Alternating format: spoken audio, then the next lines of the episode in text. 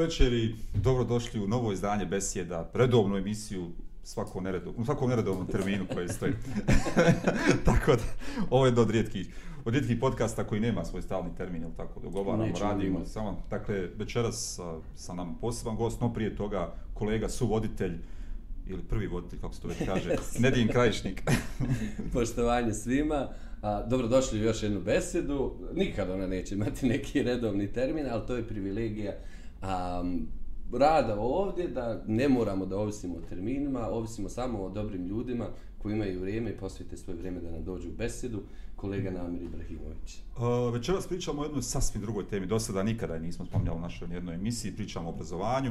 Ovaj, a, tako da, evo, prvi put ćete čuti večeras u besedi da uopće govorimo o obrazovanju i toj temi. Now jedna for something completely different.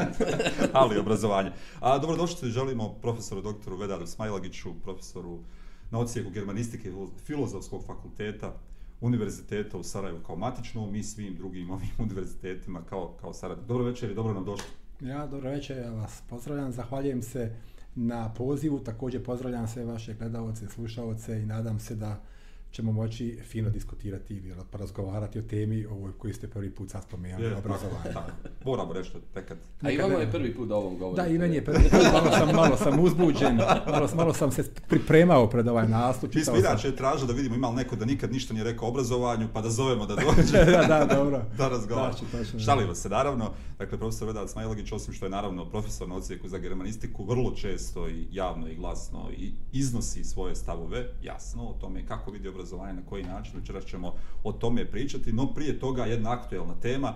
Dakle, ovaj, član ste komisije za izradu novog zakona o visokom obrazovanju u kantonu Sarajevo koje je pokrenulo u novo ministarstvo za nauku, visoko obrazovanje i mlade u vladi kantona Sarajevo.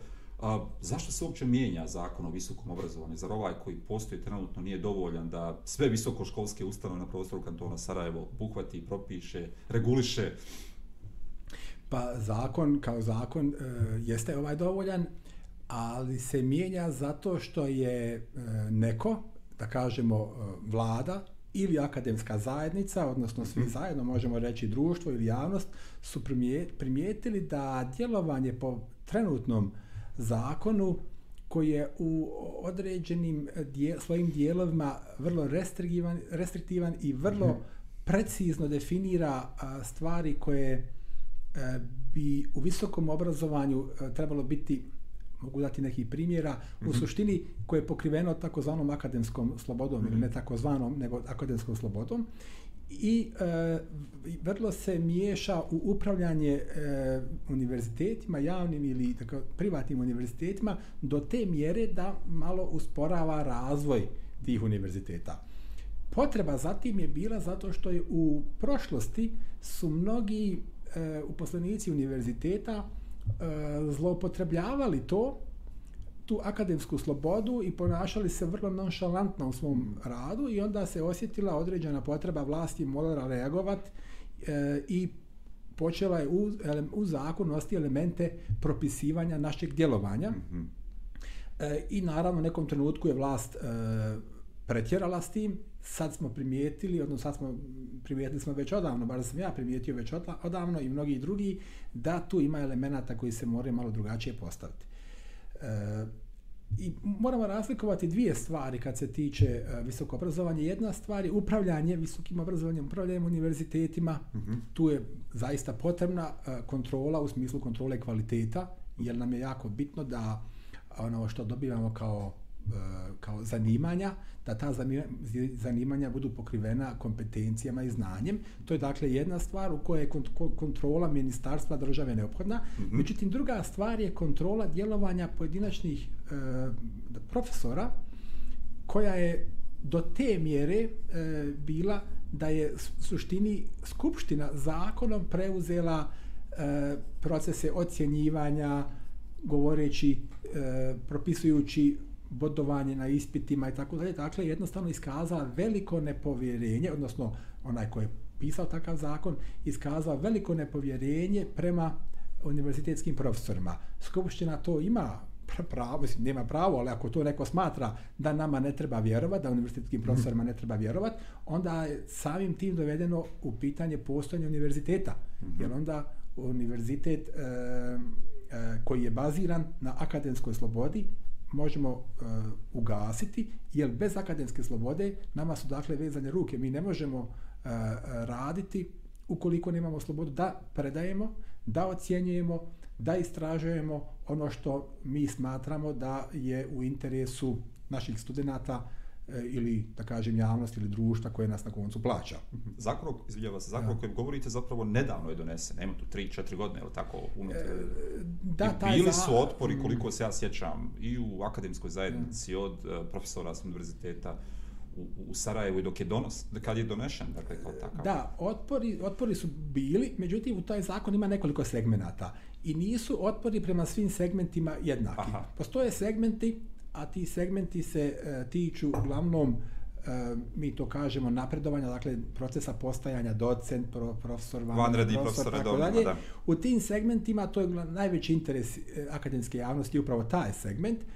I tu uh, uglavnom postoje uvijek uh, otpori mlađih kolegica i kolega koji pred sobom vide nove uh, nove da kažem, e, zadatke koji mnogi smatraju ne mogu ih tako komotno ispuniti i predstavlja na njih neki način ugrožava se neka njihova akademska budućnost.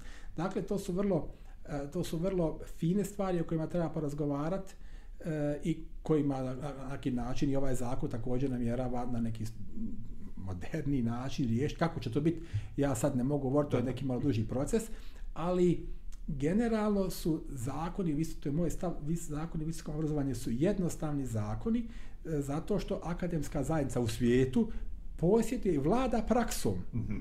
koju bazirana na akademskoj slobodi, koju nije potrebno zakonski regulirati. Međutim, kod nas postoji veliko nepovjerenje prema akademskoj zajednici s pravom ili da, da, ne s pravom to, to, to i zbog toga zakon ulazi toliko duboko da se on dijelom on je po tri puta su duži naši zakoni, neko zakon je recimo nekim zapadnim zemljama koje sam ja konsultirao. Zato što nam zakonodavac nam ne vjeruje. Da. A on, stvar je, izvidjava se, stvar je ono, nečega što ćemo, kasnije ćemo se dotaći ja. predškolskog osnovnog i srednjeg ja. obrazovanja, isti je princip. Dakle, kako kontrolirati kvalitet a, fakulteta, članica univerziteta ili, ili na koji način, dakle, kako bi se to moglo regulirati? Pa sad e, je e, malo je to komplikovano u državi koja ima um, recimo u kantonu koji ima jedan univerzitet vi ne možete tu uspostaviti uh, konkurenciju ne možete reći ja imam sad pet univerziteta pa ćemo mi vidjeti kako se oni međusobno ponašaju kakav kadar izlazi. U suštini mi polazimo od toga da najbolji kadar u Bosni i Hercegovini izlazi sa, sa univerziteta u, u Sarajevu. I vi već u startu imate da smo da je univerzitet u Sarajevu najbolji i kao da on više ne može biti predmet kvaliteta, nego su predmet kvaliteta, kontrole kvaliteta neki drugi univerziteti. Koji se mjere prema Koji se mjere prema nama. uh, mislim, e, to je kompleksna je procedura kontrole kvaliteta. Kontrola, kontrola kvaliteta naučnog rada je, s druge strane, relativna, je relativno jednostavna, zato što publikacije koje mi svi smo dio, dio naših posla, mi možemo pratiti gdje izlaze te publikacije, da li postoji određena citiranost tih publikacija, Tako koja je relevantnost u svijetu tih publikacija, to vam je otprilike, to vam je otprilike, ja to često poredim sa sportom, ako neki bosansko-hercegovački tim igra u Evropi, to je dokaz kvaliteta. Ne treba to više ni mjeriti. Sad je pitanje koliko je on kvalitetan u Evropi. Ali ako neki bosansko-hercegovački tim igra u kantonalnoj ligi, to nije više, to je dokaz slabije kvaliteta. Jel? Znači, naš sport, mi možemo reći, nije sposoban za međunarodne utakmice, naš univerzitet je možda sposobniji ali nisu svi univerziteti jednako sposobni. To je bila jedna kontrola kvaliteta. Da. Druga kontrola kvaliteta je kontrola izlaznog, za, izlaznog uh, izlaznog rezultata. Ja. Tu po meni postoje dvije vrste. Jedno je tržište uh, rada koje može uh, svršenike nekog univerziteta jednostavno, uh, dakle privatni sektor, realni sektor, može jednostavno odbijati i reći sa ovog univerziteta ja neću nikoga zaposliti. Problem je što to država ne može.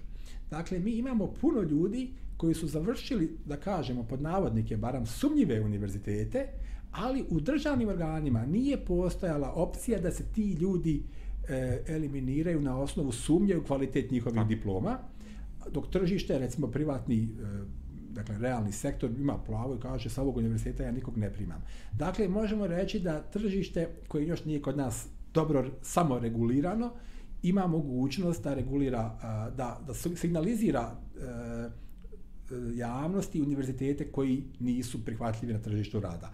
Drugo je zapošljavanje u javnim i državnim institucijama. Javne državne institucije kod nas imaju takozvane stručne ispite ili pripravnički i tako dalje i e, moje ono kako koliko ja sad situaciju mogu pratiti da su ti stručni ispiti polazeći od stručnih ispita za zapošljavanje nastavnika jako loši i da u tim u, kroz te stručne ispite vrlo teško e, ne zadovoljiti uvjete. Tako je. Znači država ima svoje e, svoje ima ja država ima svoje mehanizme uspostavljanjem stručnih e, ispita, je državnih ispita, a e, realni sektor naravno ima slobodu da regulira koga će zaposliti. U suštini su jednostavni, ali e, mi ne, jednostavni su, dakle, alati su jednostavni, ali ti alati moraju biti popunjeni ljudima nekim ili procedurama nekim koje mi e, e, dakle, sukcesivno kvarimo.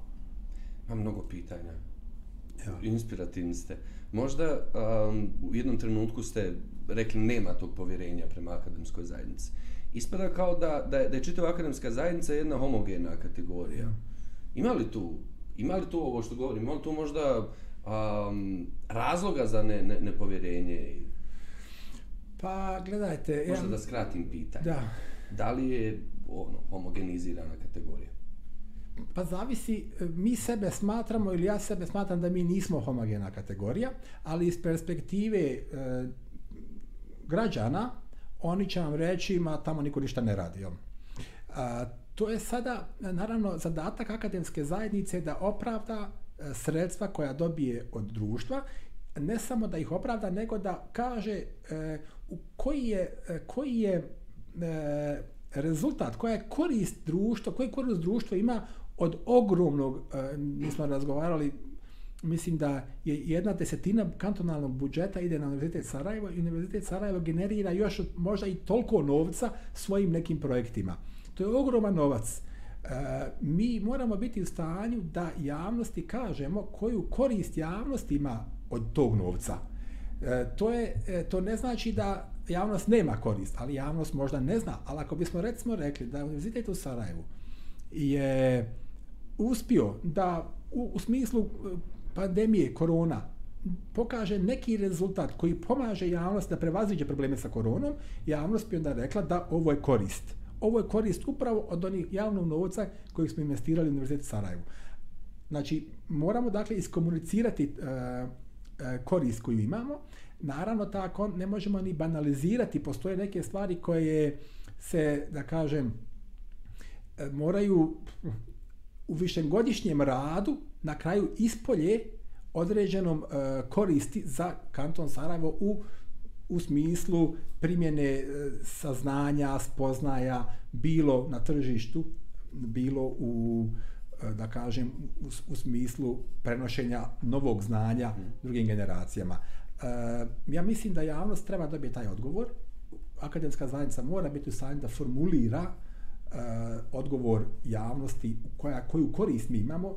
I naravno da je korist ako mi sad školujemo inženjere, dakle to je obrazovna korist, ako školujemo inženjere, ljekare i tako dalje, međutim akademska zajednica ima dakle zadatak da istražuje i mi moramo biti u stanju da i u toj oblasti definiramo e, korist koju akademska za- koju građani kantona Jasno. Bosne i Hercegovine ili građani svijeta naravno, jer mi učestvujemo, mi smo u suštini mi nastupamo na području svijeta, na čitavom svijetu. Ne možemo mi svest nauku na kanton Sarajevo, ali možemo reći da određene da kanton Sarajevo je primarni recipijent Tako, naših korisnik korisnik je. naših Odakle grob? a, a, od naših dolazi? ja naravno to to je naravno Ja bi moguće. sad prekinuo Nediva i krenuo bi, da. krenuo bi se skoro konceptom i Lismana i teorije neobrazovanosti i svih koncepata bolonskog procesa, ali otićemo daleko, bojim se.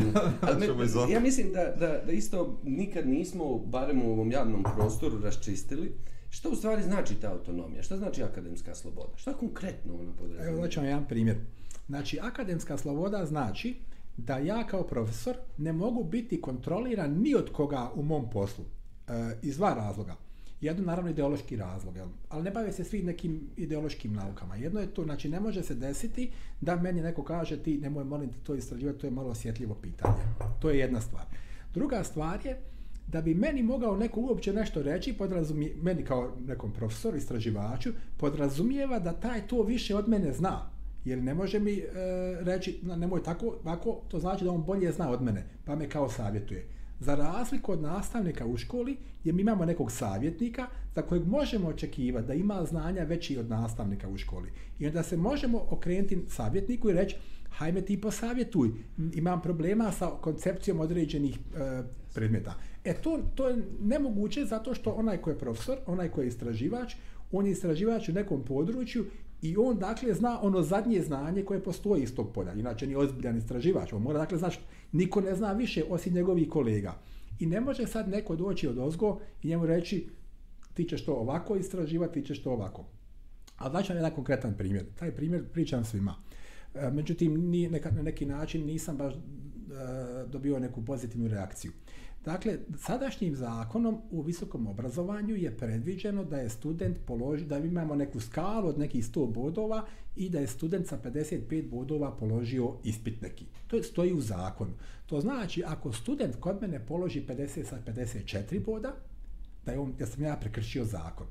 To je jedna stvar. Druga stvar je, ako stoji u zakonu da je 55 bodova, sad zamislite da imate ljekara koji studenta medicine koji polaže ispit za ispitom sa 56, 57, 60 bodova i onda mi na kraju dobijemo lošijeg ljekara. Ne možemo otići na medicinski fakultet i reći ovo donijeli ste nam loš kadar, nego moramo otići u Skupštinu kantona Sarajevo i reći pa vi ste, ga, vi ste ga ocjenjivali, vi ste nam rekli kako da ga ocjenjujemo. E sad to preneste na sve nastavničke fakultete i imate tu skalu. To znači, mene da je neko pitao, ja bih rekao, ovaj ne može položiti ovaj predmet. On ima 57 bodova, kod mene treba 75. Radi se o medicinskom predmetu, jel? Ali meni skupština obaveza, zakonodavac me obavezo da, ga, da on položi taj ispit. I ja onda njega mogu poslati u skupštinu, u ministarstvo i reći, ovaj, kod mene ne bi položio, ali kod nas je položio. pred skupštinom. Nego odgovara pred skupštinom, jel oni kako to već boduju. Dakle, to je, to je samo, dakle, jedan, ja mislim, jasan primjer e, gdje se e, zakonodavac umiješao u moj posao, a pripisuje meni nedostatak, odnosno loš kvalitet izlaznog kadra. I ja kažem, ako, ste, ako sam ja taj, onda moraš pustiti da ja radim po svojim i svi mi pojedinačno, po svojim pravilima predavanja i ocjenjivanja i tek onda mi imaš pravo reći izlazi van kadar koji ne zadovoljava određene potrebe. A dok si ti tu, preuzmi, molim te, svoju odgovornost. Hvala na tome. A, profesorica Melika, ministrica Melika, je u besedi ovdje govorila upravo o, o, jednom konceptu, ona se ponajviše zalaže, barem smo o tome ovdje razgovarali, pa ne bi da a, stavljam nekom riječi u usta.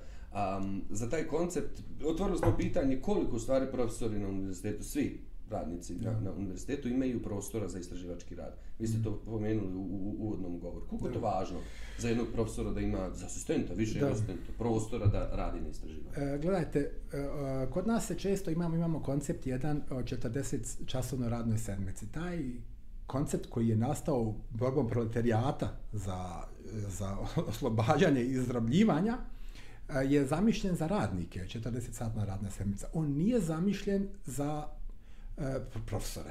On nije zamišljen za, premi, za, za ministre, taj koncept u 40 radnoj sedmici.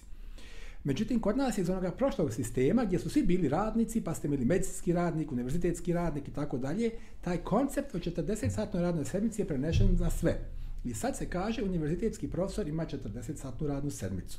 I ja kada bih radio 40 radnu sedmicu, ja još ne bih ni doktorirao. Kada bih rekao, ja samo radim 40 sati, ja ne bih doktorirao. To znači, princip e, djelovanje naravno i ljekara i svih visoko obrazovanih ne može biti sve na koncept e, proletarijata iz 19. vijeka. Jel? 8 sati. 8 sati radi, sna i odmora. 8, 8, 8. A kako to izgleda kad sad, e, recimo, e, barem ja i vrlo bliske kolege moje, kad imamo u toku godine, kad se bavimo i nastavom i naukom, i naravno jedva čekamo da vrijeme nastave prođe, dođe vrijeme ispita, iako nije jednostavno vrijeme ispita, ali to je malo možemo povezati nekoliko dana za istraživanje. Ali moja godina, moja godina otprilike izgleda tako da ja imam e, jednu sedmicu povezanu godišnjeg odmora kad sam recimo sa porodicom na moru i sve ostalo su samo pojedinačni dani kada ja recimo uzmem vikend i kad odem e, sa porodicom ili sam negdje i da ta, ta dva dana recimo, to je nemoguće dva dana, ali jedan dan da uopće ne bavim se svojim poslom. Jer ako se vi bavite naukom, ne, ne, vi, ne možete vi sad reći sedam dana neću misliti na tu svoju nauku. Onda vam to sve izađe iz glave, ode negdje i vi to više ne možete skupiti. A ne možete to čuvati u glavi ako vam nije stalno računar upaljen, ako knjige nisu na stolu otvorene ili ko se već čim bavi. Dakle, radno, moje radno vrijeme 365 dana uh, i mislim, zadnji godišnji odmor kad sam bio uh, sedam dana na moru, ja sam za tih sedam dana čitao disertaciju doktorsku od 350 stranica. I ona je sva slana, ja sam je čitao na plaži. I, I od mojih ruku, i od vjetra, i od mora, i tako dalje. Odmarali ste znači, doktorsku disertaciju. Znači, ako ste recimo... Savršen odbor. Da, da, ali nemate vremena, trebate ubaciti. Ako ste recimo bilo gdje da radite neki posao, vi odete kući u 4 sata i više ne mislite na taj posao. Dobijete godišnji odmor 5-6 sedmica, 3 sedmice i vi ne mislite na svoj posao. Ali ako ste istraživač, vi to sebi ne možete dozvoliti, jer misli iz glave, ne, one, kad isplinu, one se više ne mogu vratiti. I onda morate zabrinuti, u suštini je nemoguće da se bavite 40, da, da radite 40 sati, to je nemoguće i nemoguće imati e, godišnji odmor da ste potpuno, potpuno svoj posao zaboravite. To je, naravno, da postoje, e, da postoji onaj vic da je najbolji plaćeni penzioner u kantonu Sarajeva redovni profesor, ali e, Dobar vic. neki, neki, neki, neki, ovaj, eto, e, ima i mnogo kolegica i kolega i koji u, zaista u visokoj dobi su zaista vrlo aktivni. A, je, li to, je, li, je li vama nedostaje vremena za istraživanje?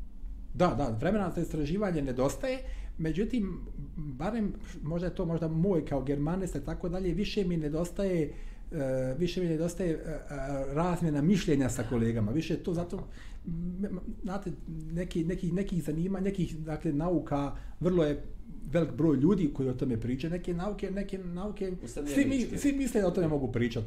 Ali kad, je sad, kad se, tiče german, se tiče germanistike i stvari koje se ja bavi, uh, glavnom su kolegice i kolege u Njemačkoj moje ili negdje drugo koji se baš ovim stvarima bave i mene nedostaje možda to i naravno pristup literaturi koji usporava, a, koji usporava nauka. Barem kod nas je tekst i knjiga primarno, privorni, primarni izvor znanja, pored vlastite spoznaje analize svijeta, a, i u tom smislu mi toga nedostaje.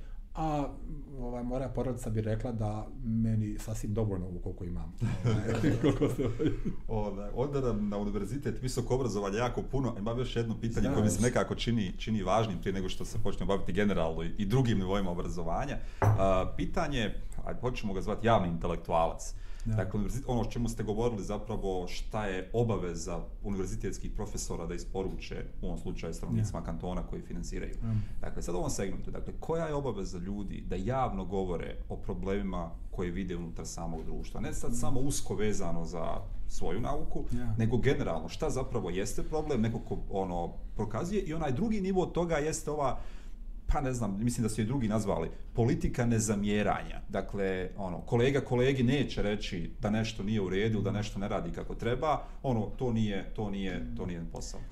Da, po, politika nezamjeranja, e, to vam je u smislu kao kada bi hirurg rekao da neće liječiti pacijenta zato što će ga povrijediti. Da. Znači, ali ta je naravno politika nezamjeranja, to je princip djelovanja uh, u u javnosti, u politici, u akademskoj zajednici i možda i nekim drugim institucijama, možda i u, u realnom sektoru, možda to postoji e, i ta naravno ona u suštini e, ljude međusobno razdvaja. Ako vi morate u svojoj diskusijama paziti, ko ćete se svojim stavovima paziti, vi se naravno iz toga povlačite i prestaje svaka komunikacija. Jel?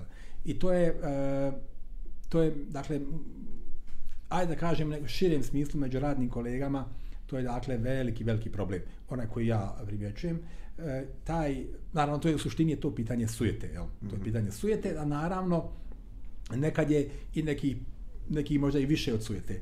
Kad se tiče tog djelovanja u javnosti, e, mi imamo, intelektualac ima različitih vrsta, međutim mi smo vjerovatno tako malo društvo da se kod nas kao intelektualci isprofilirali univerzitetski profesori određenih struka. Međutim, nama nedostaje među novinarima intelektualaca zato što ta perspektiva, ta novinarska perspektiva ima sasvim e, kako bih rekao, ona bi, ja bih rekao, ona je bliža građanima, a naša je, naša je možda bliža nekim naučnim analizama e, društva. Nama nedostaje e, ta e, novinarska inteligencija među novinarima, ili možda nam nedostaje novina, jel, sve to. Međutim, nama to nedostaje koje se tiču ne dnevno političkih stvari. Mi imamo dobrih analitičara koji analiziraju predsjedništvo, djelovanje, parlamente i tako dalje, ali ovih e, kompleksnih društvenih koncepata. Pa to sam vas, zato ja, sam vas pitao. Tu nam, tu nam, ne, tu nam zaista nedostaje, e, znači, da kažem, djel, možda, možda ima intelektualaca, ali njihovo prisustvo, neki smatraju da je to malo banalno da se e, oni u to miješaju, neki su se miješali pa su se razočarali, neki se možda boje da će se javnosti e, možda izložiti negativnim kritikama, ima tu naravno straha, jer lakše se lakše se e, javno kretati u društvu koji ima ogroman broj stanovnika, gdje ste vi u masi, onda neće vas prepoznat na ulici. A ne ovdje. A sad zamislite, ovdje određene, imate problema iz deset određene stavove, nemam ja, nego generalno je moguće da imate određen, e, određeni problema u gradu, kretanjem grada ili na poslu. I onda je, e, kada dakle nema slobode koja je preduvjet za mišljenje, naravno da onda nema ni mišljenja. Jel? Tako je. Hvala. Odlično. Ja. Ba, baš smo i razgovarali smo s profesorom Nerzukom o, o, o profesorima kao javnim intelektualcima. Um, hoćemo li preći na... na, na što, što bi rekli, ne univerzitetski profesori, pravo obrazovanje. ne univerzitetski. A, vi ste profesor otac troje djece. Da. Predivno. A, djeca su vam u, u sistemu obrazovanja. Da, da, da. Jeste sretni? S čim? Opšta mjesta, opšto je pitanje. Jeste sretni s obrazovanjem koje dobije vaša djeca? E, ne, pa možda sam, možda je pitanje zadovoljan, bolje nego sretan, ali generalno ja, inače kažem, ja sam, uh, ja sam skeptik, da kažem, ja, ja uvijek polazim od, dakle, moj stav je prije, uvijek prije negativan, kako bih sebe motivirao da popravljamo. Naravno, postoji veliki broj ljudi, prije svega na rukovodioci, na rukovodećim pozicijama, oni će reći formulacije tipa mi smo dobri s obzirom na, to vam je formulacija. I ja, naša naravno, djeca vani ja, nešto. I ja, ja sam generalno smatram da ne da mi svako naravno može bolje, međutim, ja mislim imam veliki propust u obrazovanju, malo sam o tome javno pisao i razmišljao i diskutovao. Mislim da ima velikih uh, propusta u obrazovanju, prije svega u dijelovima ka, što se tiče dakle iz one, ono što se ja bavim naukom, a to je iz ove e, filologije. Jer meni, po meni obrazovanje proističe iz filoloških disciplina.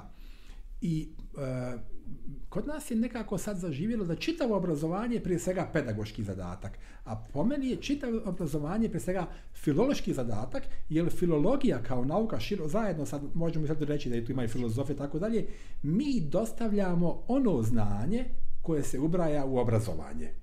E, kad kažem filologija, naravno, ako uzmemo da, da je tu bitna, naravno, i sociologija, razumijevanje društva, filozofija e, i ogromno, e, ogromna oblast koja ide filozofija, dakle, preko jezika.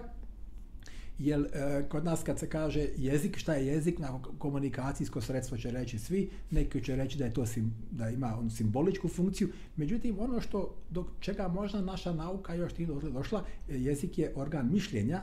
Mi mislimo putem jezika. I ukoliko mi ne razvijamo svoj jezik, mi ne možemo pokrenuti društvo, jer društvo je nesposobno da misli. E, I ti aspekti obrazovanja su kod nas do te mjere podređeni e, da e, je, a, a neću reći, da kažem, u korist vrlo jednostavnih, to pod navodnicima da se niko ne naljuti nauka kao što su matematika i informatika, e, smatram ih, kažem jednostavno zato što vi recimo iz matematike vi možete biti genije, ali vi ne možete biti genije iz razumijevanja teksta. Vi ne možete biti genije iz, kako se ono kaže, pismenost ova koja nam je zakazala. Funkcionalno. Funkcionalno, ne možeš iz toga biti genije. Svaka uh, nam je zakazala. Da, da kaže. Dobro, ali da kažem mi, i onda mi se hvatamo u naše društvu tih mladih, ja to sam možda i govorio negdje, mladih genijalaca i njih stiliziramo i kažemo, evo, mi, mi smo pametni, tako dalje.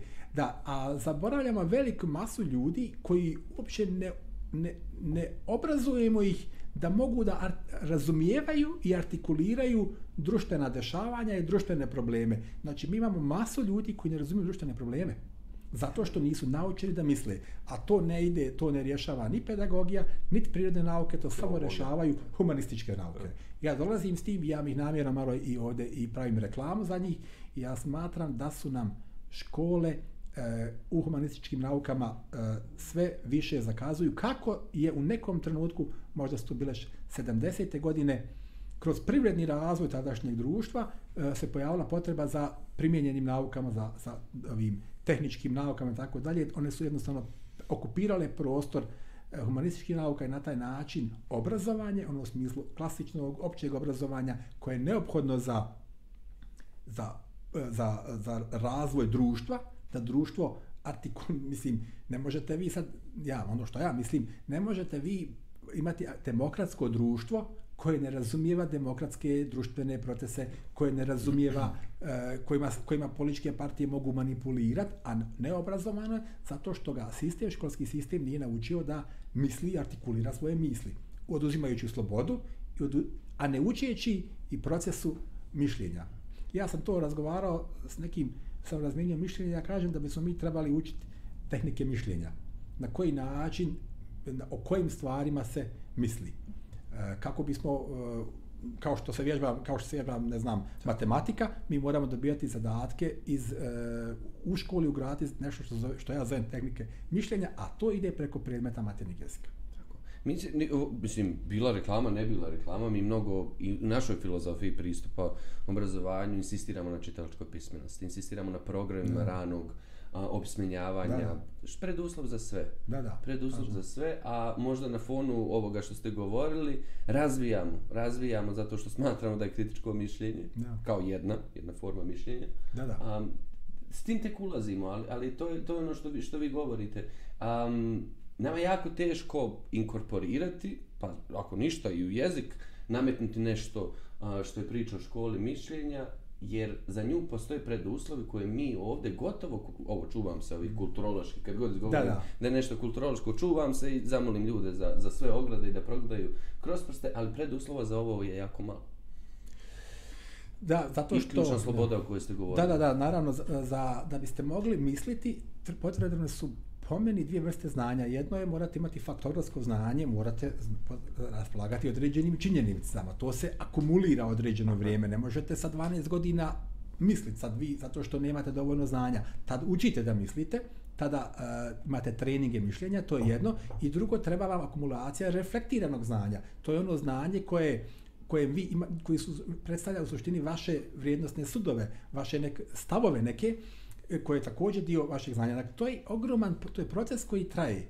Za razliku od e, tehničkih nauka, gdje su procesi usvajanja znanja jednostavni, i gdje čak možete biti, da kažem, možete biti genijalac i vi množite sedmocifrene broje međusobno bez problema, ne trebate ni trening da imate, ali to nije moguće u mišljenju, tako brzo steći te sposobnosti. Ja. Znači, akumulacija znanja, Uh, koja, naravno, tu smo svjetski prvaci da akumuliramo faktorsko znanje, ali smo zadnji, ili ne mogu sad reći, sigurno ima i loši gori primjera od nas, ali iz e, faktorskog znanja e, do, doći do reflektiranog znanja, da neko ima neki stav o nečemu, to podrazumijeva da imaju određene argumente i da vlada određenim činjenicama, to je proces koji traje i on bi morao biti u velikoj mjeri završen sa 19 godina, jer šta je punoljetnost? Nije punoljetnost da imaš vozačku dozvolu, punoljetnost je da preuzmaš odgovornost za svoje postupke, a ne možeš preuzeti odgovornost za postupke ako nisi sposoban da misliš. Odnosno kad završi srednjoškolsko obrazovanje. Da, to bi, to bi naravno, to je, to je u suštini to 19 godina, srednjoškolsko obrazovanje, pogotovo svršenici gimnazija, od njih bi zaista uh, očekivao da su uh, sposobni za preuzimanje odgovornosti za svoje za, za, u društvu, da kažem, da, ali bi to u ovom trenutku je to teško, a onda imate još jedan moment, a to je da moja generacija, ovi mi svi stari, dokle god neko mlađi da ih mi poklapamo djeca. Djeca. Da, da, da. Djeca. Mogu mi pričati jedan interesantan slučaj. Ja sam bio svom sinu u drugoj gimnaziji na, e, na roditeljskom sastanku i sad je moj sin napunio 18 godina i nakon mjesec dana roditeljski sastanak i kaže ko bude uh, odsutan, roditelji trebaju da pošalju onu ispričnicu. Ja kažem, ali pazite, moj sin je punoljetan kako ću ja slati punoljetnom čovjeku ispričnicu? Morate početi s njim da to dogovara, razgovarate. Nemam više ništa sa njim. Razumijete, ne, ja ne, mislim, ja imam naravno, ali moramo shvatiti, ti ljudi su postali punoljetni i moramo ih tako tretirati, a ne satucati ih i dalje govoriti, vi ste naša djeca, mi vas volimo kao našu djecu. Ne, ne očekuje, ja mislim, ne možemo mi očekivati da sad svako ko je stariji moje dijete voli kao svoje dijete i svaki nastane da voli moje dijete kao svoje dijete. On treba da ima, po meni, određeni odnos, da bude uzor, a to da voli meni, to na emocije mi pre, malo, čini mi se malo previše ima toga. E, I ja mislim da se ta uh, meni draga razrednica moga sina, da se ona malo zbunila, malo, pa kad to su uvijek naša djeca. Pa kaži mi, ali one su u trenutku sa 18 godina, imaju pravo glasa, imaju pravo da idu vozačku, mogu da se ožene, mogu da se udaju, Krivično ali ne mogu, krivično odgovaraju, ali ne mogu sebi na, na ispričnicu, nego tražite od roditelja. I ja zaista pravim možda malo i vic od toga, ali to je trenutak kad mi moramo reći njima, da, vi ste sad odrasli, to podrazumijeva to, to, to i to. Tu mislim da kasnimo. Odnosno da to ne razumijemo dobro taj prelaz. Ili ne pripremamo, a onda očekujemo od Da, da, moguće. i, mogu, ili smo svjesni da ih nismo pripremili, pa ne možemo ni očekivati. Moguće i to. Da, da daj, da daj Dobro. ugrozu slobode Mm. svega. Da. A, jedno najlakše pitanje. Možemo li kako popraviti obrazovanje? Dakle, o nekim segmentima to naravno nije Da. jedini ono, problem Da. o kojem ste govorili. Dakle, šta je po vama zapravo najveći problem ovoga, da kažemo, do univerzitetskog obrazovanja i može li se to popraviti? Da, to je sad, znate, e, moguće da bi neko mogao neku predložiti Nobelovu nagradu za takve... Za takve Ako bi se otkrilo, jel? da, o, o, takav neki recept, jer znate, o proces, mi, da li je nešto dobro ili nije dobro, mi to tek vidimo nakon velikog broja godina. Da, I to je sad treba, a kod nas se ministri, strukture koje upravljaju tim se prebrzo naravno mijenjaju. E, I mi imamo, mi, imamo ministra koji je bio četiri godine ili tri godine bio ministar obrazovanja i jedan put njega nema i uopće se više on kao da više on ne spominje se. Govorim, možda tako vrijedi i za druga ministarstva vjerovatno. Međutim, ako se vratimo do ovoga, do univerzitetskog obrazovanja, ja sam tu, po meni imaju četiri aktera koja, koja su tu i onda bih rekao moja ideja šta bi se tu moglo, moralo e, biti hrabar i uraditi. Dakle, imamo a, aktere, da imamo nastavnike, imamo djecu, imamo roditelje i kao aktere imamo, a, mislim da imamo još e, i direktore, i direktore imamo. To su po meni neki akteri koji igraju bitnu ulogu. I koji je problem po meni tu? Problem je po meni tu što nastavnici e, ne osjećaju podršku. Ne direktori e, i ne učenici, nego nastavnici ne osjećaju podršku, e, boje se izloženi su roditeljima, Mhm. nemaju, e, ne mogu se osloniti na zaštitu škole, ne mogu se osloniti na zaštitu ministarstva, ukoliko e, razmišljaju o tome da bi u svojoj u svom odnosu prema učenicima određene stvari trebali drugačije organizirati. E, mislim da nastavnici nemaju pa, zaista nikakve podrške, a smatra se da su oni ti koji e, e, upravljaju, odnosno koji za našu djecu čine nešto dobro.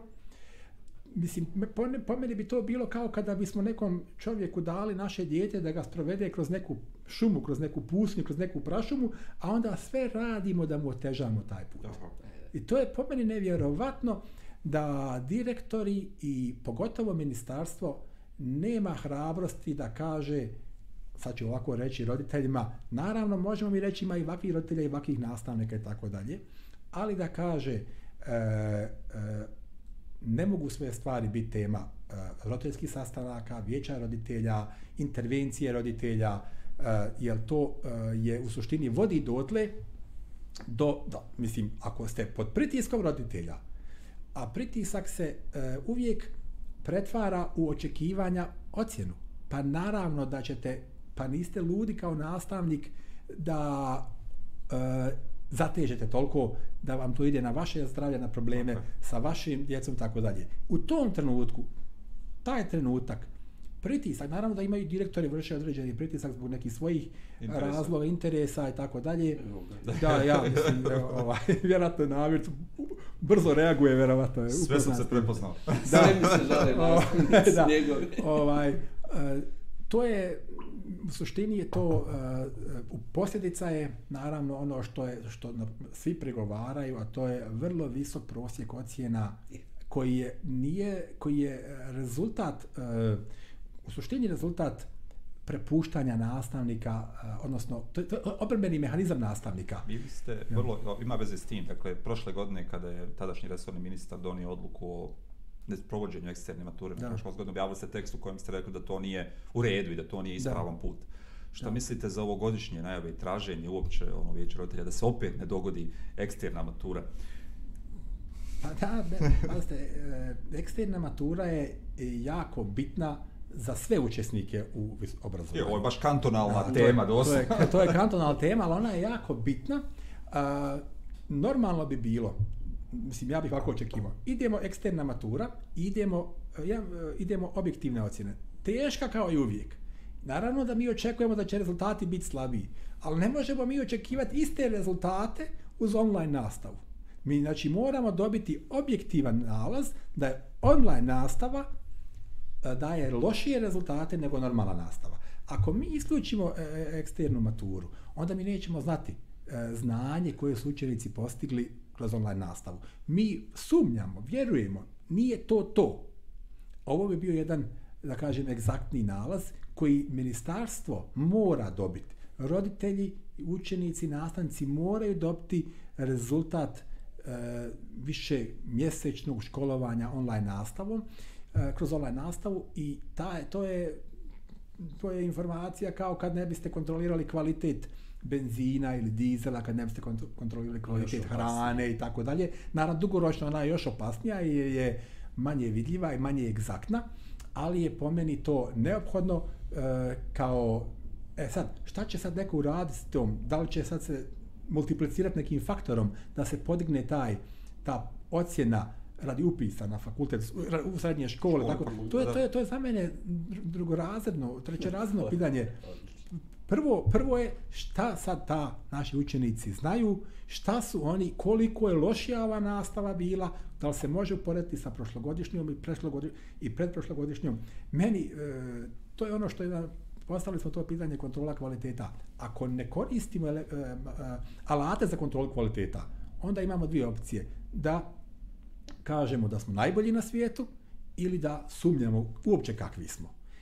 Mi se naravno najčešće izlačimo kad kažemo da imamo najpametniju djecu, da smo odlični, ali eto ima tamo neki faktor koji je mimo nas, koji nam... Uh, Ako smijem namiri. Uradili smo profesore um, procjenu online nastave. Radili smo na ozbiljnom uzorku. Ja. Dakle, govorim negdje o, o, o i, i uključujući i djecu i roditelje i nastavnike, u ukupnom zbiru govorim negdje oko 20.000 ljudi. Da, da. Što je ozbiljni redobilan uzorak najbolnije od svega. Mi smo posvijetili zaista vrijeme, ni, ni, mi nemamo agendu koja kaže, e, mi smo izbacili istraživanje, gledajte ga. Da. Nas interesuju nalaz tog istraživanja. Da. Mi nismo dobili ni jednu povratnu informaciju od ni jednog obrazovnog autoriteta na to istraživanje. Da. Jesmo jedno koje kaže, a, ograđujemo se od ovoga jer niste tražili saglasnost, što je već samo po sebi poruka. Mm, da, da, da. Na to vam nemam šta reći. E, za, kažem, e, obrazovanje obrazovanje je prepušteno uh, nastavnicima koji su nezaštićeni.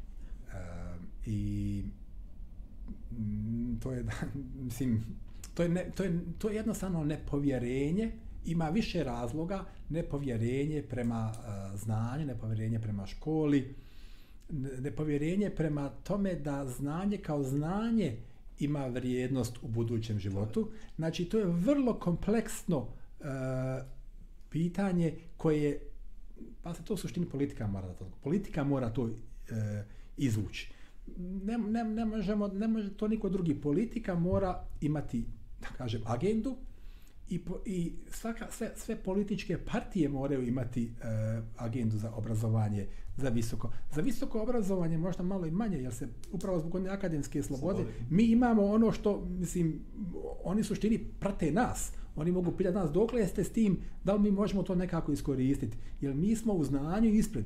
A što se tiče uh, ovoga do univerzitetskog obrazovanja, politika mora biti ta koja će nametati tempo. Politika mora biti ta koja će ta postaviti pitanja.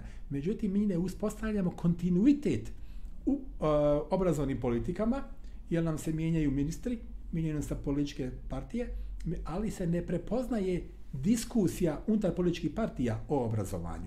Ona ne postoji. Ono što isto ne postoji, ne postoji taj, kako bismo sad nazvali, a, inicijalno pamćenje, ono, temeljno koje stoji, dakle, Da. nešto, koje se akumulira u obrazovnim institucijama. Da, dakle, ministar da, da, je da. taj koji se mijenja. Da, da, da. Ali mi imamo neko pamćenje koje je insti- institucionalno pamćenje, to Da, sam htio odlično, reći. Da. Dakle, ono, u konceptu u kojem znamo gdje smo dostigli standard koji smo dostigli, Da, da. nastavljamo dalje, ili Da, ga da, da. mijenjamo i popravljamo. U ovom slučaju se desi isto kao da se sve prebriše, Da, da, da, da. To je, to je i tako. krene se ono Da, da. u konceptu u konceptu same inercije. Da. E, kvalitet obrazovanja još uvijek me zanima, ima veze i sa samom maturom. E, dakle, u, koliko je uopće eksterna matura koja se provodi u kantonu Sarajevo, e, napravljena tako da procijeni kvalitet obrazovanja, samim tim što je ograničena samo na tri predmeta, Da. ovaj, sa, sa svim onim drugim stvarima koje su tu, koliko su zapravo nastavnici koji predaju ta tri predmeta izloženi u odnosu na nastavnike koji Da. predaju sve druge predmete i koncept sad sam kvalitet testova kojima Da. se to provjerava. Dakle, ono, to važno, a onda od ovoga pitanja o kojem ste vi zapravo govorili, koliko bi oni uopće bili pouzdani alati za provjeru i uh, učinka nastave, online nastave u, Pa gledajte, ja mislim nastavnici koji imaju eksternu maturu, to su ja mislim ta tri predmeta, nekad je bilo možda i nekih pet predmeta. Jeste, jeste, ali to pa je dvije, tri godine, ali su vrlo brzo to Ovaj, riješili. ti nastavnici imaju privilegiju da dobiju uh, jednu objektiviziranu ocjenu njihovog rada i rada s njihovim uh, učenicima.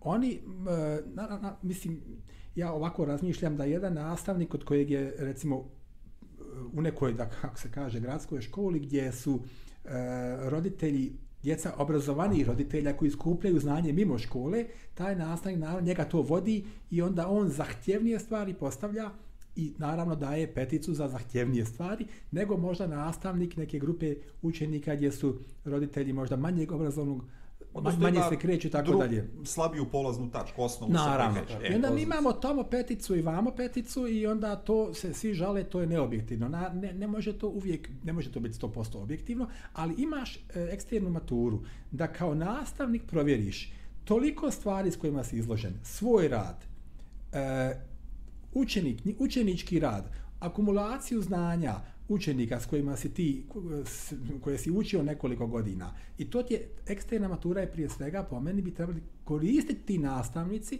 to jest njima bi trebali zaviti oni drugi koji to nemaju, koji kažu ja predajem godinama, ali ja ne znam na konačnici šta moji učenici, s kojim znanjem oni izlaze, poredeći e, recimo da kažem malo jednostavnije, taj predmet na nivou kantona, na nivou Bosne i Hercegovine, nama je to možda PISA malo pokazala uh, i neki Malo više i da, Teams. Malo, da, da, Teams je nama Sad sam pok- htio o tom. I da. to je povratna informacija, vrlo Da, da. važno. Ali ona, namjer je upravo govori negdje gostovo. Ta, ova dva komparativne istraživanja koja su vrlo dobra, Da. uz su ono, doći ćemo mi do faze kritike, volio bi, sanjam dan kad ćemo mi kao kritikovati pizu i metodologiju Da, i da, da. to, a dobili dvije jako važne povratne informacije, ni jedan alarm se nije upalio. Pa, uh, ja da kažem, taj dan kad su bili objavljeni uh, rezultati PISA studije, ja sam bio u, u vijeću roditelja jedne škole u Sarajevu, i mislim da je bila gimnazija, i to je bila druga, to je iznenada bila ta tačka, nismo znali da će biti objavljeno i bilo je objavljeno taj dan i vijeće roditelja i sad naravno to će biti tema i sad svi smo zabrinuti. To je bila druga tačka dnevnog reda. Već na petoj tački se postavljaju pitanja zašto je loš prosjek ocjena tamo na nekom predmetu. Znači, to je, to je nevjerovatno, pa se to vijeće roditelja, dakle tu Znači, su roditelji tri tačke dnevnog reda su trebalo da se to zaboravi. Tačno. I mi imamo, dakle, meni se čini, imamo mi konsenzus kada ćemo zajedno jadikovati, oko kojih stvari ćemo zajedno jadikovati i kada ćemo e, to jadikovanje, kad će ono prestati i onda idemo ono na dnevni red. Relativizirati ga. Relativizirati. E, moram reći da je predstavnici te škole su vrlo, mislim, to je meni, da kaže, ne reći, žao mi je gledati ti kolega koji kažu prosjek na nekom predmetu je 4,2 i sad se roditelji žale kao to je nam nizak, a ona kaže ali nama nije nizak, nama je to visok, to predstavnici te škole, možda pedagog ili zamjenik direktora, kažu mi smo zadovoljni, ali roditelji nisu zadovoljni i sad je poenta što? Zato što se ta ti mladi ljudi se trebaju na neke fakultete upisati taj prosjek ocjena. A ocjena ulogu je jedina stvar koju ne nose. Tako? Je, tačno. Znači, ocjena je e, do te mjere bitan faktor da je sve ostalo više nije faktor. nego zapravo čak i šta čini tu ocjenu, da, šta da. podrazumijeva, Da, šta- mi se uopće ne slažemo, Ne, ali je da. doslovno jedina stvar koju prenesemo sa jednog nivoa obrazovanja na drugi ocjena. Tačno, tačno. I to je tako. Tako, to je, dakle, do te mjere materializirana provjera znanja kroz te ocjene. E, I nekad je bio neki pokušaj ono sa onim smajlijima i šta ja znam i moja su, moje dijete, najstariji sin je u suštini tad krenuo u školu kad su bili, Aha, u- pa prvo polugodište nema ništa, pa nastavi, ovo nastava i tako dalje. I ja mislim da su se, ako se dobro sjećam, mnogi roditelji upravo bunili jer su rekli, ja ne znam šta mu je smajli. Ko, ko- šta on samo sad zna? smiley, bili su ono, bilo je duže prisutno obrazovanju, opisno E, ocjenjivanje, koncept. ali su onda isto roditelji pitali, dobro, sve u redu, ali koja je to ocjena? Da, da. E, da. A to je potreba da, da formalno se stvari, u suštini, znate kako se kaže, Simplificiraju dosta. ko nema, ko ne razumije suštinu, on insistira na formi. I, e, ali upravo to je, upravo je tad se očekivalo, recimo od ministarstva da kaže roditeljima, gledajte, to, to, to i to, ali to i da kad hoćete, vi nemate kontinuitet Tako je. Da. u tome. Sjajno. I onda vi, vi možda to osmislite, vi biste to nešto rekli, sljedeći ministar dođe, postavi svoja, svoje ili izađe u susret iz političkih razloga nečemu e, i nije dobro kad se preko obrazovanja izlazi u susret. Obrazovanje mora biti dakle vrlo konzervativno posmatrano a, zato što dugotrajno, dugo, Sjajno. proces je vrlo dugotrajan i ne, nema tu, znate, eksperimenti su e, u obrazovanju po meni e, potrebni kada nema izlaza ili kada imamo pozadnju na koju možemo sa eksperimenta Tako je. spast. Ukoliko mi eksperiment, a padamo u provaliju, onda nemojte eksperimentirati, ne znamo gdje ćemo spast. Um, sad, razmišljam šta, šta može biti motivacija, pa pokušam da razumijem roditelje koji se hvataju za tu ocjenu kao, ono je, na kraju je važno, Da. zato što ti uslovljava mnogo toga. To vuče u onom što ste vi u uvodnom govorili, uopšte vrednovanje znanja kao takvog.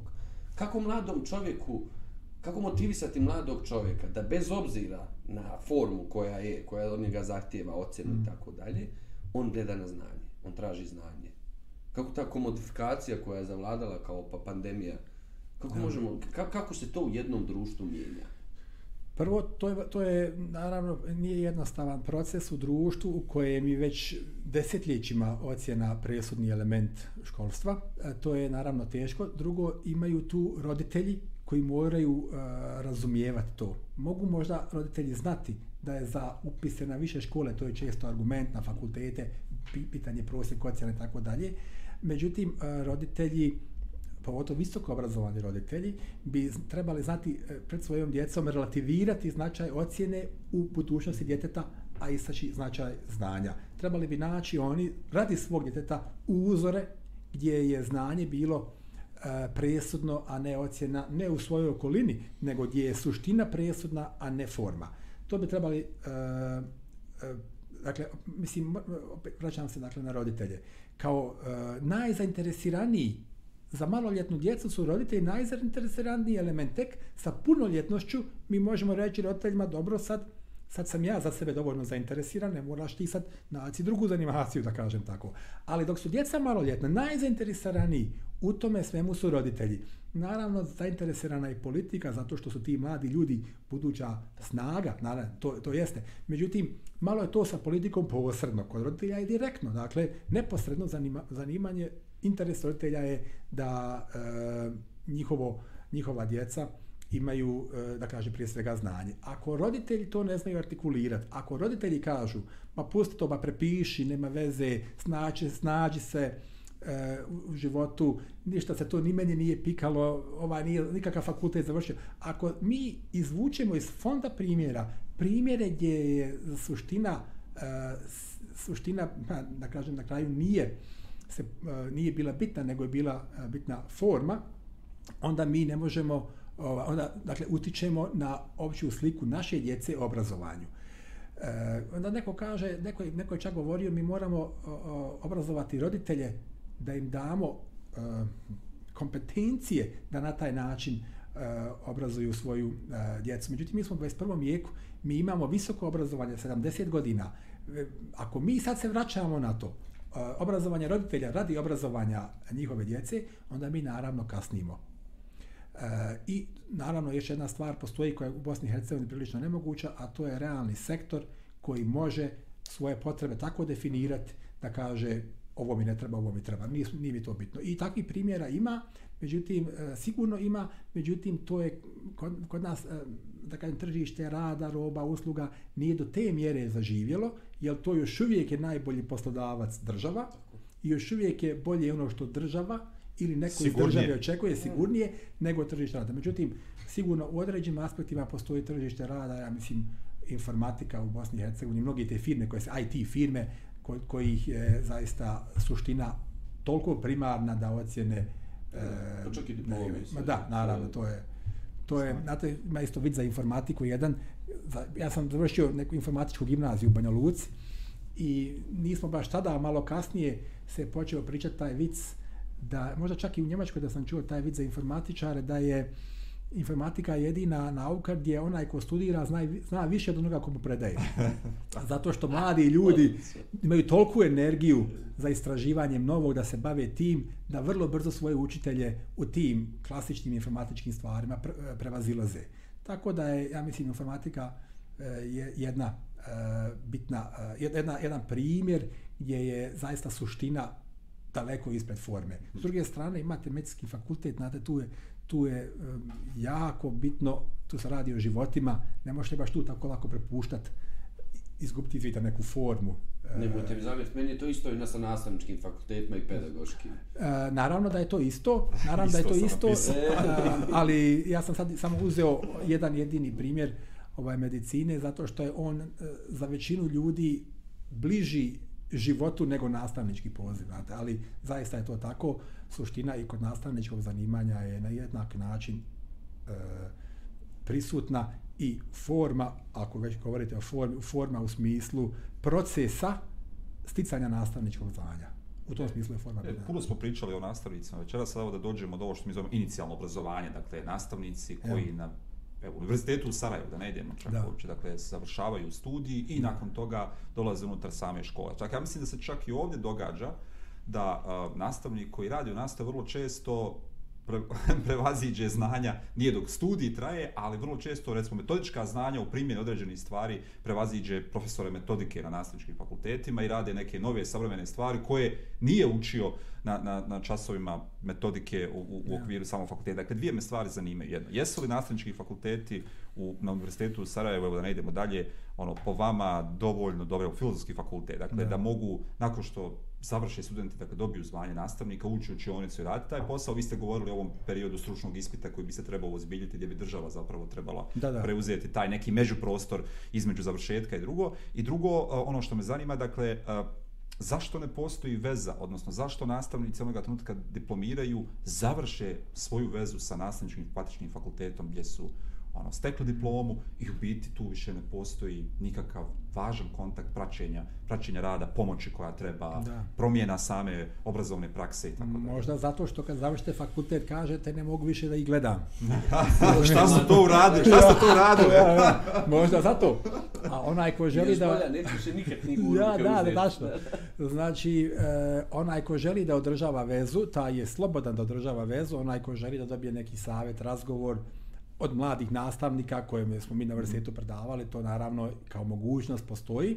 Nije sistematski, nije sistemski riješena, nije precizno sistemski riješena, ali je recimo od nastavnika se zaista može očekivati, u školskom, može se očekivati da preuzmu inicijativu i za sebe, a ne samo za mlade ljude. Mm -hmm. To znači i od nastavnika se dakle očekuje da se i samostalno dalje obrazuju. Ja bih to očekivao od nastavnika, ali e, na- znate, rekao sam, ako nastavniku država nije podrška, ako se svaki roditelj može žaliti ministarstvu, zato što nastavnik tamo dao 3 plus mjesto, 4 minus, tako dalje, i ako nastavnik toliko izložen uticaju društva, onda ne možete sad zaista očekivati aktivnog nastavnika kako biste željeli da ga imate. Nastavnik mora dobiti slobodu svoju, da eksperimentira e, u svom radu kako bi e, e, odno- odnosno u da eksperimentira u svom radu kako bi kvalitet svog rada u interesu mladih ljudi, interesu njihovih roditelja mogao uh, popraviti. Uh, mi ne, ne, možemo, mi ne možemo, ako ništa ne isprobamo, kod nas ljudi mislim da eksperimentirat će se na djecom, neće, Da. to to, jel? Da, da, Ali a mi, ako ne isprobamo nešto novo, ako ne isprobamo neke nove znanja, metode ili tako načine pre- prenošenja znanja, mi ne možemo... uh, To je jedna od osnova učenja. Mi pokazujemo djetetu da mora nešto da proba kako bi usvojilo, provjerilo da li, sto, da li će ova čaša pasti ako se Naravno. ispadne. Mi kažnjavamo greške, ne možeš pogriješiti. Iz Da, prve da. moraš da uspiješ. Prije. Da, da, da. Jeste, taj, taj, to, e, to je greška, mi kad ispravljamo seminarske radove ili diplomske radove, kad pregledate, mi samo se fokusiramo na greške, ono ostalo je tačno. E, I i jedan profesor od kojeg sam ja puno učio, on, to je, on je to pravdo on smislu, zbog kratkoće vremena fokusirat ćemo se na greške, ali nema, nema smisla da mi prolazimo kroz rad i da govorimo ovo je dobro, ovo je dobro, to nije produktivno. Znači, ta fokus na greške, na, e, jer u suštini e, lju, mi svi želimo da svoje greške e, popravimo. Ako želimo već to, onda moramo imati taj fokus na greške. To ne znači da, odre, da e, kvalitet ne može biti, koji je tu, ne može biti dodatno nagrađen, a ne samo da je kažnjena greška. To ne, ne može. E sad, to pitanje za e, obrazovanje nastavnika, e, ja sam završio nastavnički fakultet, radim dugo na nastavničkom fakultetu i ja e, mislim u onom trenutku kada smo shvatili obrazovanje nastavnika, nastavnički fakultet kao pedagoški proces, da smo ga pretvorili u da smo znanje kao znanje e, devalvirali. E, I mi kad god govorimo o nekoj reformi obrazovanja, mi nikad nismo razmišljali o, ili mislim ja nećemo nečemu u javnosti, mi uvijek kažemo treba pedagogije, treba psihologije i to naravno niko ne može isključiti. Međutim, e, nastavnik mora e, imati, ili metodike naravno, ali nastavnik mora imati sposobnost Tako. akumulacije stručnog znanja. Znači mora vladati tim znanjem i mora imati sposobnost samo akumulacije ili jas, kako nazovete, vlastitog znanja. Znači, e, to se, to se prilike ovako kaže.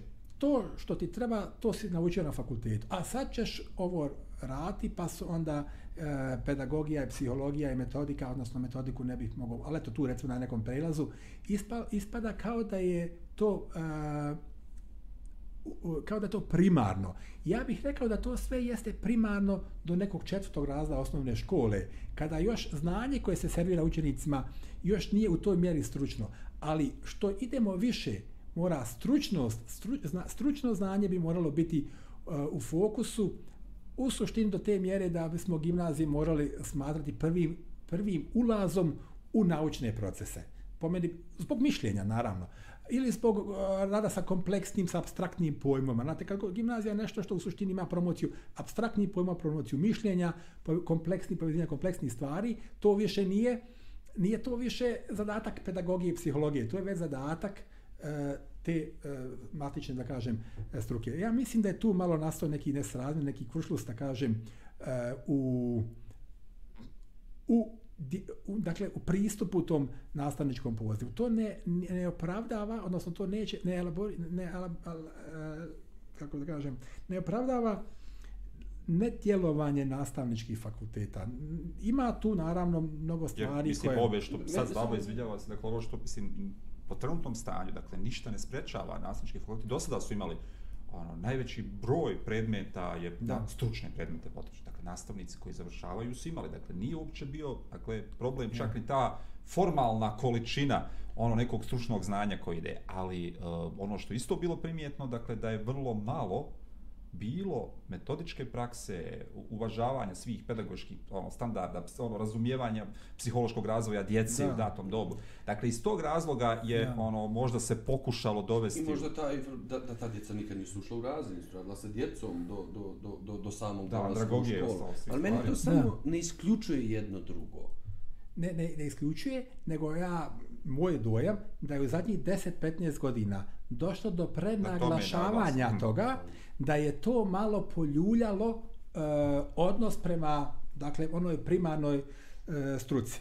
Ja, I još jedna stvar, ja bih razdvojio dakle, odgoj ili obrazovanje do nekog četvrtog razreda, gdje po meni upravo pedagogija mora imati primarno, e, primarni zadatak, i psihologija, Filologija. E, da, naravno filologija, ali to još uvijek je to neko elementarno znanje koje se tu, e, koje se tu prenosi do četvrtog dakle razda.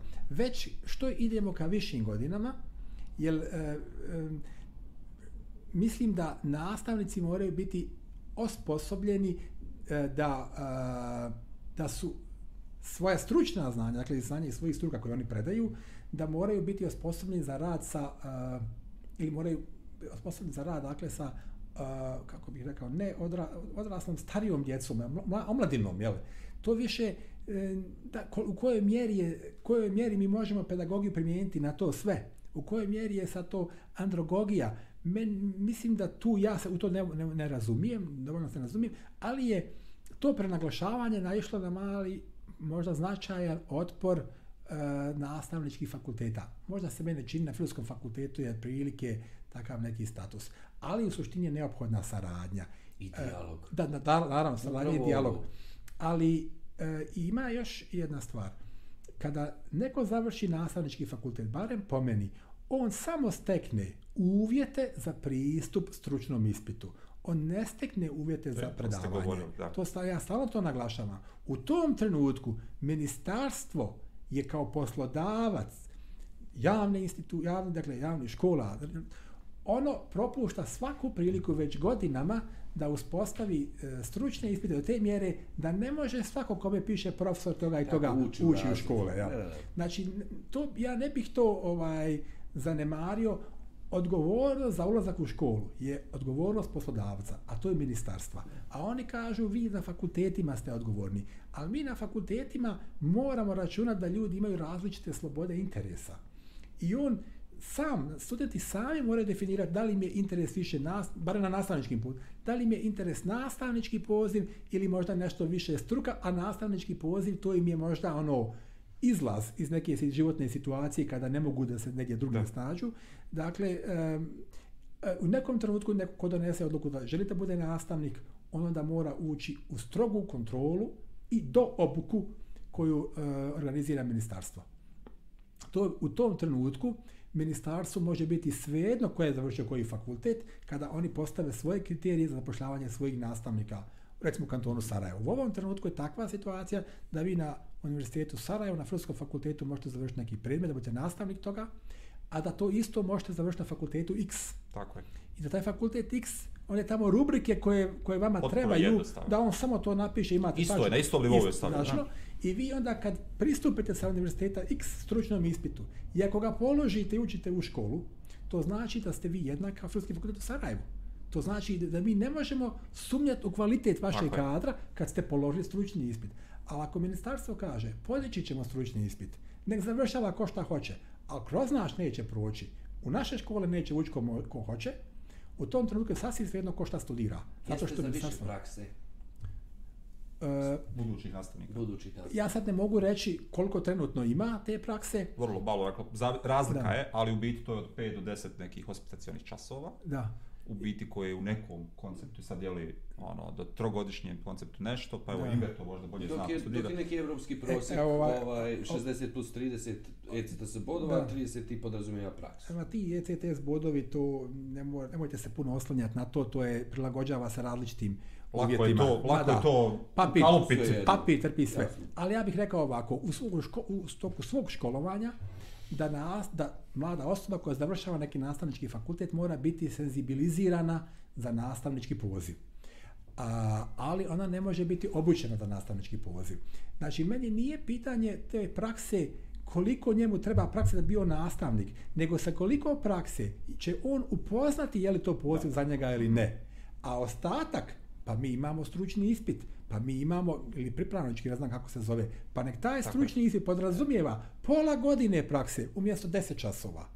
Je, u stvari, taj pripravnički podrazumijeva godinu dana. Jeste, godinu, to je pro forme radi, potpuno da. definisan, ono, različitim nivoima se da, radi da, i na kraju kandidati sami moraju da plate, iako nemaju, ne znam, nekog da. novca, čekaju, onda čekaju prijem, posao i tako dalje. Dakle, Za mene, dakle, ko donese odluku, ali studenti ne donose odluku u prvoj godini studija. Tako je. Mislim, ja ne, ne mogu da procijenim sve, ali čini mi se, ali u nekom trenutku neko ko završi nastavnički fakultet, mi ga tako zovemo, jel, donese odluku da će raditi u školi. U tom trenutku njemu potrebna praksa. Do tada on mora biti samo da zna je li on za to ili nije za to. U tom smislu, e, ja sad ne mogu tačno reći koliko je 5 ili 10 časova, ali ne bih, e, ili 15 časova koliko je dovoljno, ali ne bih e, smatrao, ne smatram da je taj broj časova dovoljan da ga se proglasi diplomom nastavnik, profesor toga i toga, to smatram da ne može biti, jer je to premalo časova, zbog toga ta diploma po meni ne bi mogla nositi to ime, ali mora, ali mora imati dovoljan broj časova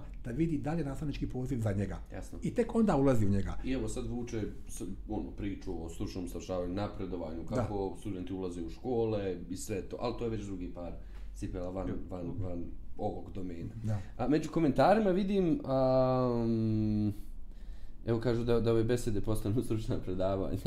Da, ako sam malo pretjerao u stručnosti, ja se Niste. Um, tehnike mišljenja su, su, su našoj zajednici onako zapale za oko. Da. J- jako im je to važno.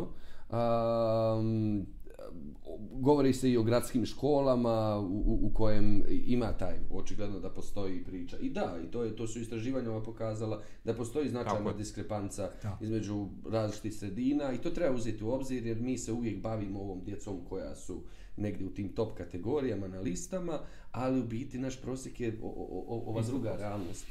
Ovaj, I, I drago mi je što, što se to nameće isto i u, i u raspravi. Profesore, a, imamo što je da bi ovaj razgovor mogao da traje duže, du- mnogo duže, ušli smo već u drugi sat. Ne znam, ja sam tu, vi, vi, vi ovaj, kako vi mislite da... Vidimo tako brzo prošlo.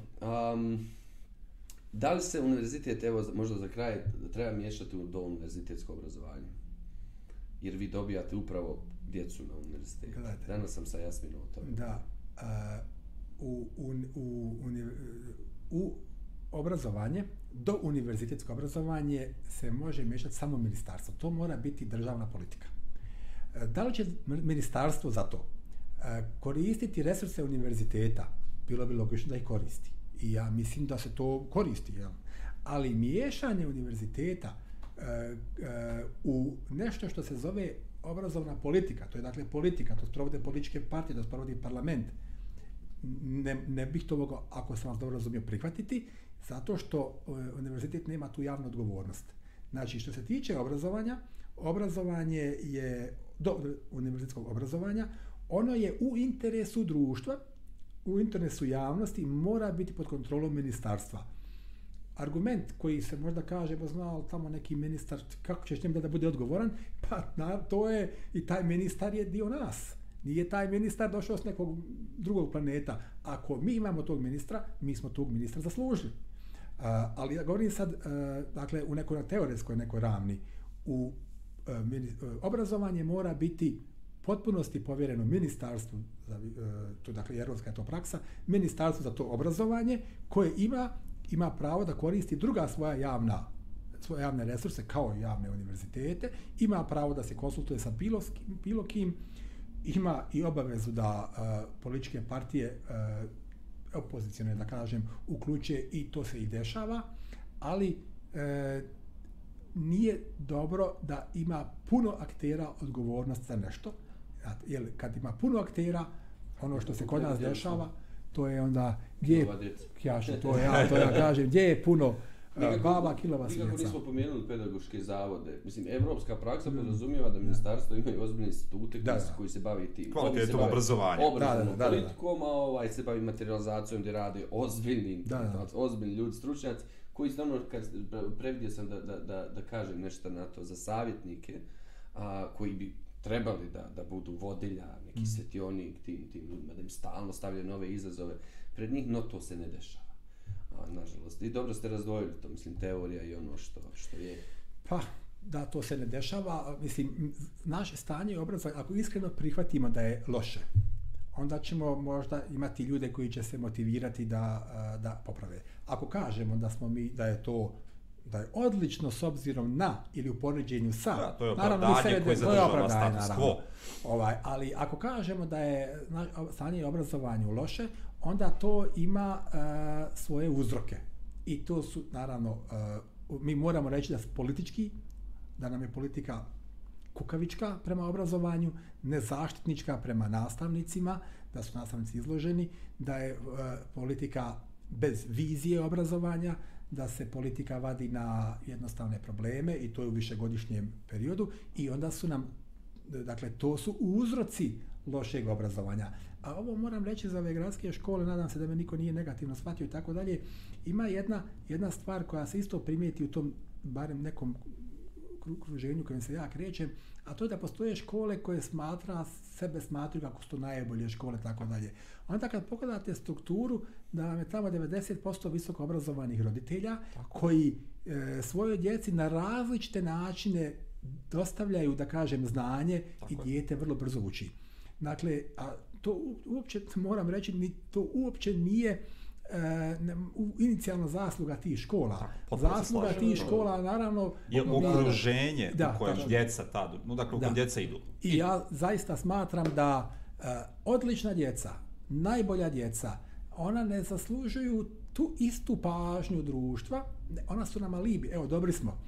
E, nama treba za onu veliku masu djece koja nisu čiji roditelji i koji sami nisu sposobni da postignu te rezultate, a mi njih moramo posmatrati, ako ništa, ako ne ono kao draga djeca, moramo ih posmatrati kao buduće nosioce procesa u našem društvu. Ako ih ne školujemo, imat ćemo naravno... Tako je, dakle, ja mislim da nema boljeg prostora od javne škole za po, pomoć svima, dakle, za pomoć da, da. za izgradnju ličnosti, za buduće stolišta, dakle, od javne škole nema od predškolske ustanove naravno što idealno bi bilo da, da, pa preko da, da. preko ono osnovne škole i srednje škole koja će zapravo pomoći da, da, da sve da, da. nedostatke socioekonomskih uvjeta u kojim neko živi zapravo prevaziđe kroz I, i, po, i, i po mene tu pedagogija i psihologija kao nauke moraju dati veliki doprinos, vjerovatno i daju, ali sad e, smo govorili o nekim drugim aspektima, više sam govorio o obrazovnim aspektima, ali recimo da kažemo tim nekim odgojnim aspektima, e, e,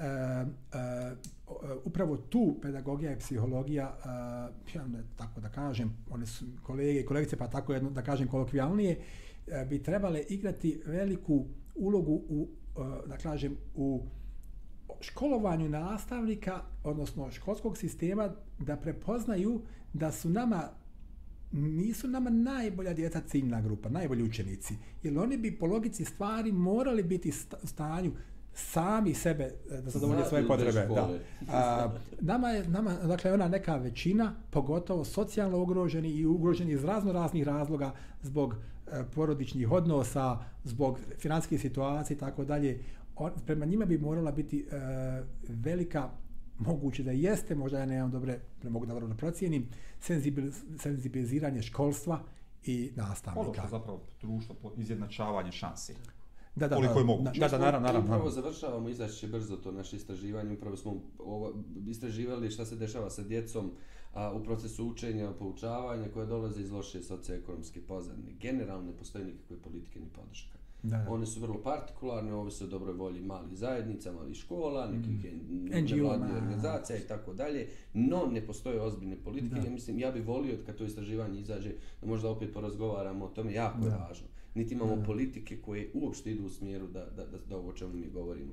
A da. svako treće dijete u Bosni leže gladno u krevet. Ja mislim da sva ova da. priča pada sa tom informacijom. Da, naravno, naravno. Da, ja isto to smatram da je to prepušteno, prepušteno privatnom odnosu nastavnika ili nekih škola prema, prema to djeci, raz, da razumiju problem te djece. Naravno, postoje neki koji ne razumiju. E, mislim, tu fali sistematska podrška, jer suštini država nije uspostavljena radi najsposobniji, nego na oni koji su naj većoj potrebi. To je socijalna država a, i naravno to je sad pogled druga perspektiva i tako dalje. Dakle, nama obrazovanje e, zavisi dakle i od u suštini politika, vlade moraju, e, moraju razviti koncepte koje bi e, u koje bi se klopilo obrazovanje. Ne, ne, obrazovanje ne živi mimo politike. Ja. Hvala vam. Nema čemu, hvala vam. Hvala, hvala, profesore, ime nemoj nam prekidati. Mi imamo mali poklon za vas, to je sve što vam možemo da poklonimo. Ovo je jedan rokovnik za vas, da, da se hvala. sjetite da smo razgovarali da, da, i evo da možete da nosite razloga. isti taj rokovničić. U, da, da, da, velika vam hvala. Profesore, baš hvala. Evo, otišta, što ste izdvojili vrijeme. Ne, Nadam se da ćemo imati opet priliku da Nadam se, pa eto, tu smo. Nismo daleko, možemo se čuti kad god vi mislite da a, bismo mogli razgovarati o nečemu. Zahvaljujem. Ja. Hvala. Hvala gledateljicama i gledateljima, našoj zajednici inovativnih nastavnika i svih nastavnicima i nastavnicima koji su gledali roditeljima. Dakle, sretan početak drugog polugodišta, negdje on krenuo 18. januara, negdje sad 1. februara. Dakle, sretno u ovoj kombinovano online, redovnoj školi koje još nikako ne znamo šta bavite i kako i nadamo se da će biti bolje. Jeste. Bavite se, bavite se jer ako se vi ne bavite, neko drugi sigurno hoće. Ćao. Doviđenja. Thank you.